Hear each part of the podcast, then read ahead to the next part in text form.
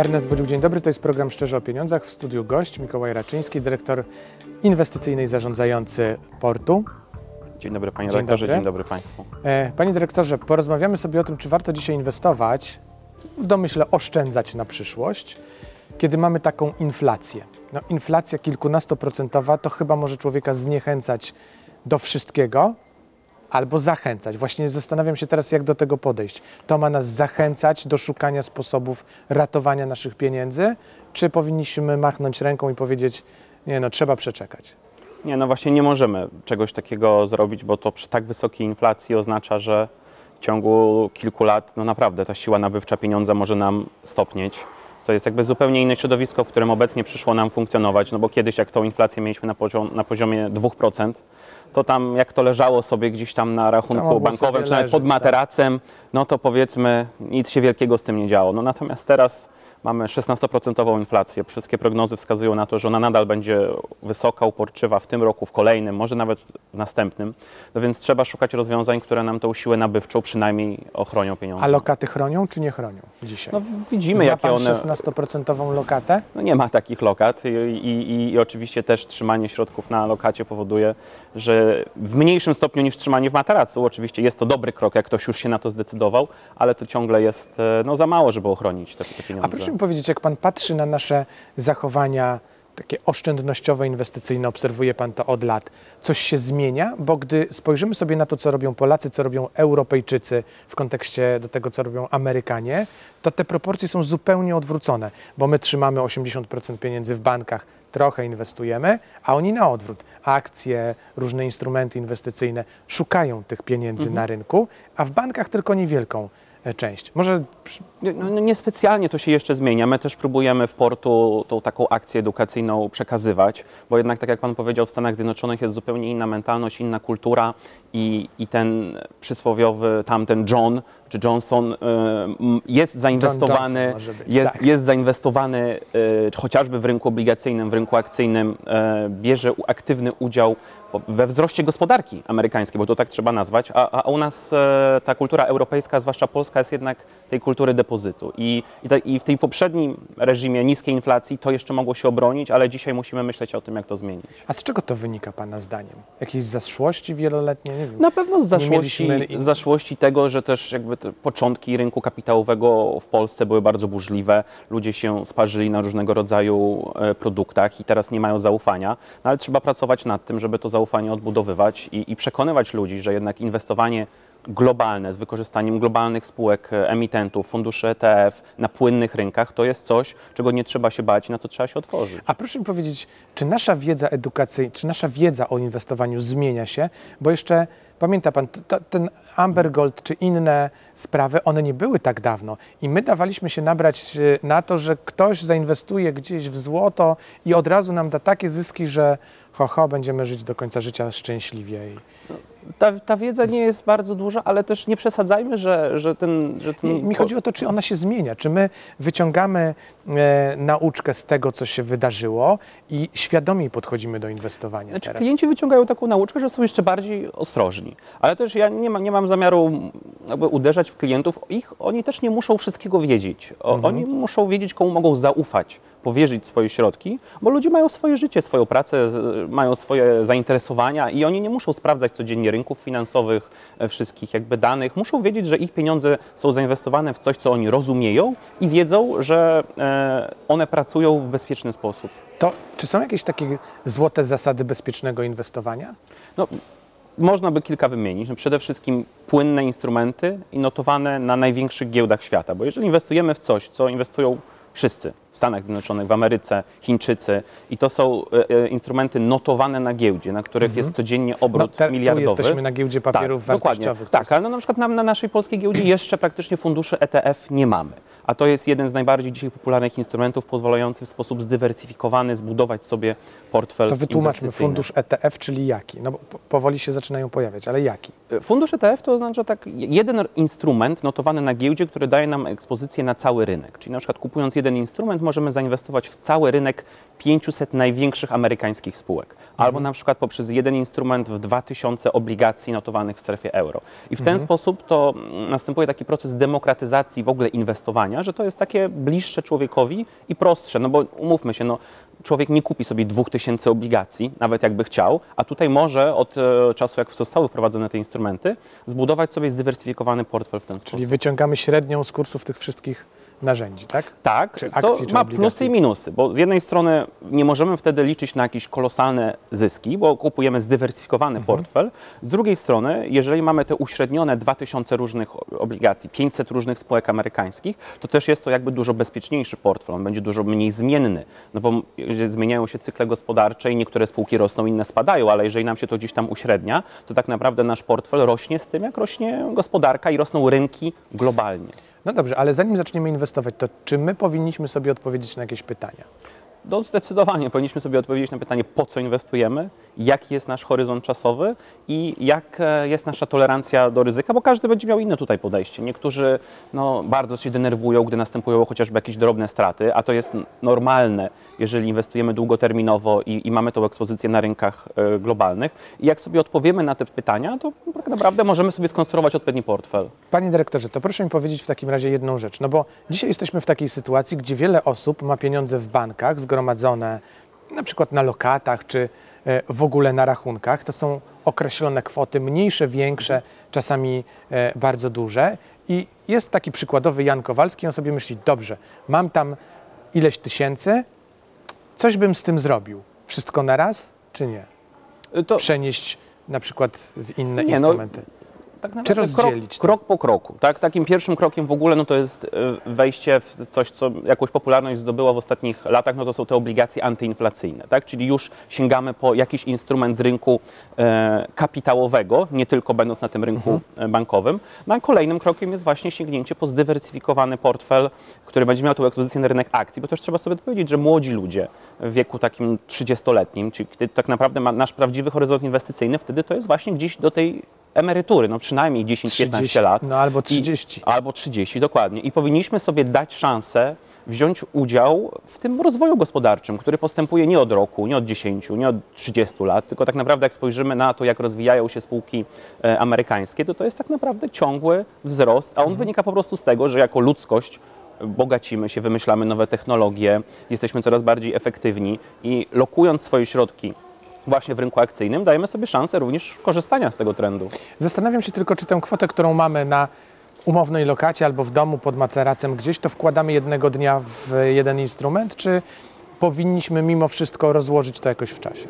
Najlepiej byłoby to rozłożyć i, i to też jest proces. y, y, Nowe instrumenty nowe, nowe firmy, rozwiązania, które teraz wchodzą na rynek, oferują naprawdę inwestowanie od najmniejszych kwot, bo my w portu pozwalamy inwestować tak naprawdę od 100 zł.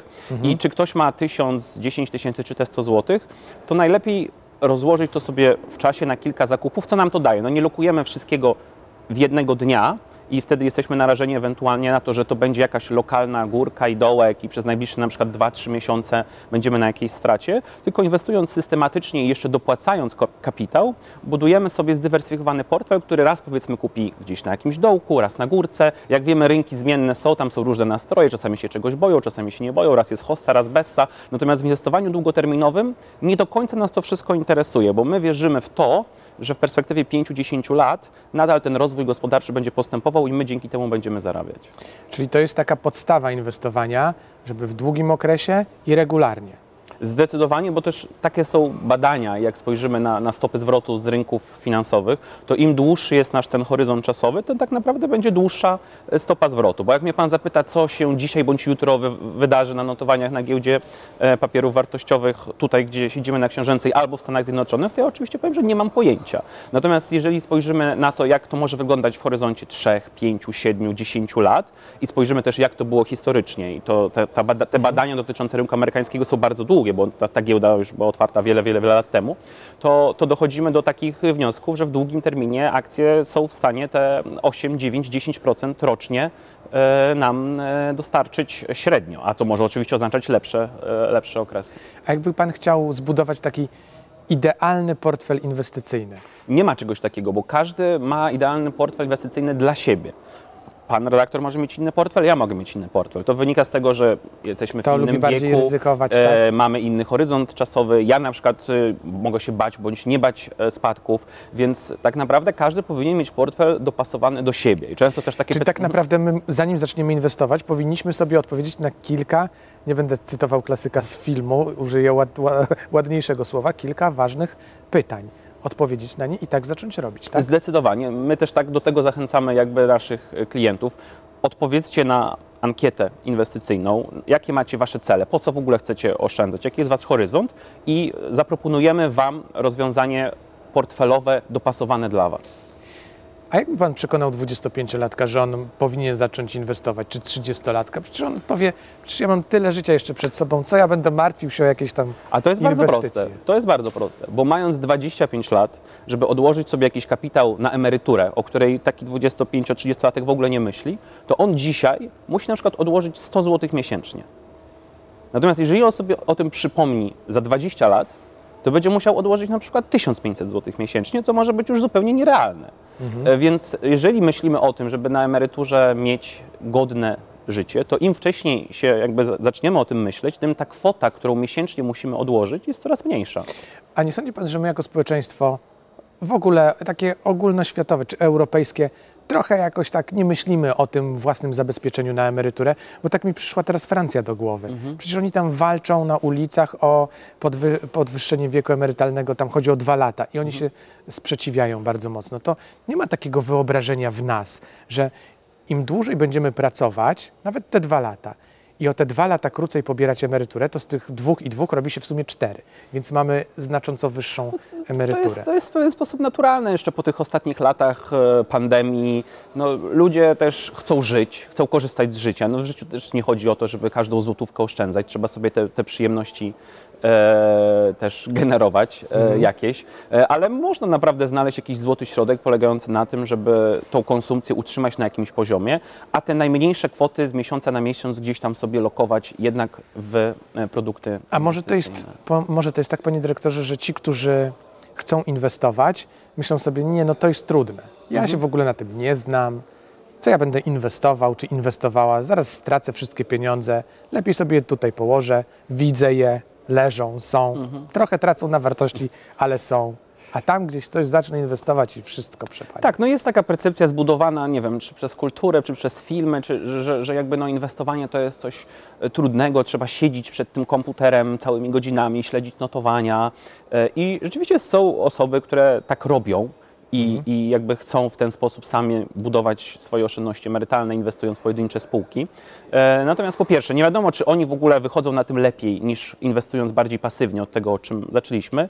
E, a dwa, dzisiejsze rozwiązania, właśnie takie jak wykorzystanie funduszy ETF, inwestowania pasywnego, czy takich portfeli na miarę, pozwalają nam tak naprawdę mm, zainwestować środki. Ważne, żebyśmy rozumieli, w co one są zainwestowane, bo to jest najważniejsze, czyli w zdywersyfikowany portfel i zająć się swoimi sprawami, czyli spędzić miło czas, pójść na spacer, e, do kina. Czyli tak naprawdę ważny jest ten pierwszy krok, żeby przysiąść i dobrze określić swoje potrzeby, e, typu nastawienie na ryzyko, horyzont, kwotę i to, co chcemy osiągnąć, i potem po prostu się tego trzymać, tak? Dokładnie. No i, i też możemy zawsze zacząć od tych mniejszych kwot, zobaczyć jak to wszystko, wszystko działa, e, czy nam jakby się podoba, w jaki sposób to funkcjonuje, jaką mamy tolerancję do ryzyka też, bo możemy coś określić w ankiecie, potem zobaczyć, że czuję się z tym lepiej, gorzej i później budować kolejne jakby takie nogi tego naszego inwestowania, czyli zaczynamy od najprostszych rozwiązań, a potem możemy sięgnąć po na przykład jakieś bardziej strategie tematyczne, ktoś na przykład lubi nowe technologie, być może chciałby również wziąć udział w tym, tym trendzie rozwoju technologicznym. To, to ciekawy wątek, bo mówi Pan o nowych e, sposobach inwestowania, ale co z tym portfelem? Mamy już portfel zbudowany. Czy my powinniśmy wszystko jeden do jednego przenosić, czy sobie gdzieś go dywersyfikować, dzielić? Trochę może w jakieś nie wiem, inwestycje z nieruchomościami związane, trochę właśnie w nowe technologie. Przemysł kosmiczny może nam się zacznie podobać. Za chwilę pewnie będzie się rozwijał spektakularnie. To może być dobry krok, ale dla kogoś, kto już jest bardziej zaawansowany w, w inwestowaniu, no bo tak naprawdę no skąd on ma wiedzieć do końca, jaki instrument wybrać, nawet żeby kupić te inwestycje e, kosmiczne. Więc zaczynamy od takiego zdywersyfikowanego portfela, który w ogóle daje nam ekspozycję na to, że jesteśmy na rynku, jesteśmy na rynku kapitałowym, e, bierzemy udział w tym rozwoju gospodarczym, a później na przykład właśnie właśnie możemy również skorzystać e, z, jakby, z pomocy ekspertów czy platform, które pozwalają nam również dołączyć do tych trendów, o których Pan e, powiedział. A y, czy to jest tak, bo Pan powiedział 100 zł? Rozumiem, że 100 zł od tego można zacząć, ale potem można zwiększać ewentualnie, jeżeli ktoś ma taką potrzebę i możliwości. Oczywiście. Powiedziałem 100 zł, bo to jest powiedzmy taka minimalna kwota, od której my w, w portu umożliwiamy I co, inwestowanie, i co miesiąc się inwestuje inwestowanie klientów. Można, ale nie trzeba. To też jakby nie ma żadnego przymusu. Możemy w każdym momencie wpłacić, w każdym momencie wypłacić. Wie pan, bo e, parę lat temu jeszcze w Polsce była taka sytuacja, że my obawialiśmy się inwestowania, bo nie dość, że trzeba było inwestować, to te opłaty za ryzyko, zarządzanie i tak dalej. I potem się okazało, że wprawdzie mieliśmy zysk, ale jeszcze musimy cały zysk oddać i jeszcze część tego kapitału swojego, jeżeli chcieliśmy coś wypłacić wcześniej, przed horyzontem na przykład 20-letnim. I to jest też powód, dla którego no, ludzie są nieco zniechęceni do tych rozwiązań. Natomiast my staramy się przełamać to e, z, z, z ofertą jakby niskokosztową, bardziej elastyczną. W ogóle prawo w tym zakresie chyba się pozmieniało, prawda? Również, to, to jakby jest też progres, który właśnie doszedł do tego rynku finansowego i też te nowe technologie wchodzą właśnie w inwestowanie, jakby będąc bliżej ludzi dzisiaj. Mhm. E, a wycofać się można z inwestycji w dowolnym momencie? Tak, ka każdego dnia. A jakieś spektakularne koszty w związku z tym są ponoszone przez nas, czy nie? Nie, my, nasze najwyższe jakby w, jakby w rozwiązaniach, które, które, które oferujemy, to jest e, do 1% rocznie takiej opłaty e, za zarządzanie, co jest zdecydowanie mniej niż jakby w No, kiedyś te opłaty to były kilkuprocentowe przynajmniej, a do tego jeszcze jakieś opłaty za ryzyko i jakieś inne były. I no, trudno się dziwić, że ludzie po prostu byli, byli trochę zniechęceni, bo, bo gdzieś tam tych zysków e, po prostu nie widzieli, bądź one były, one były zjadane.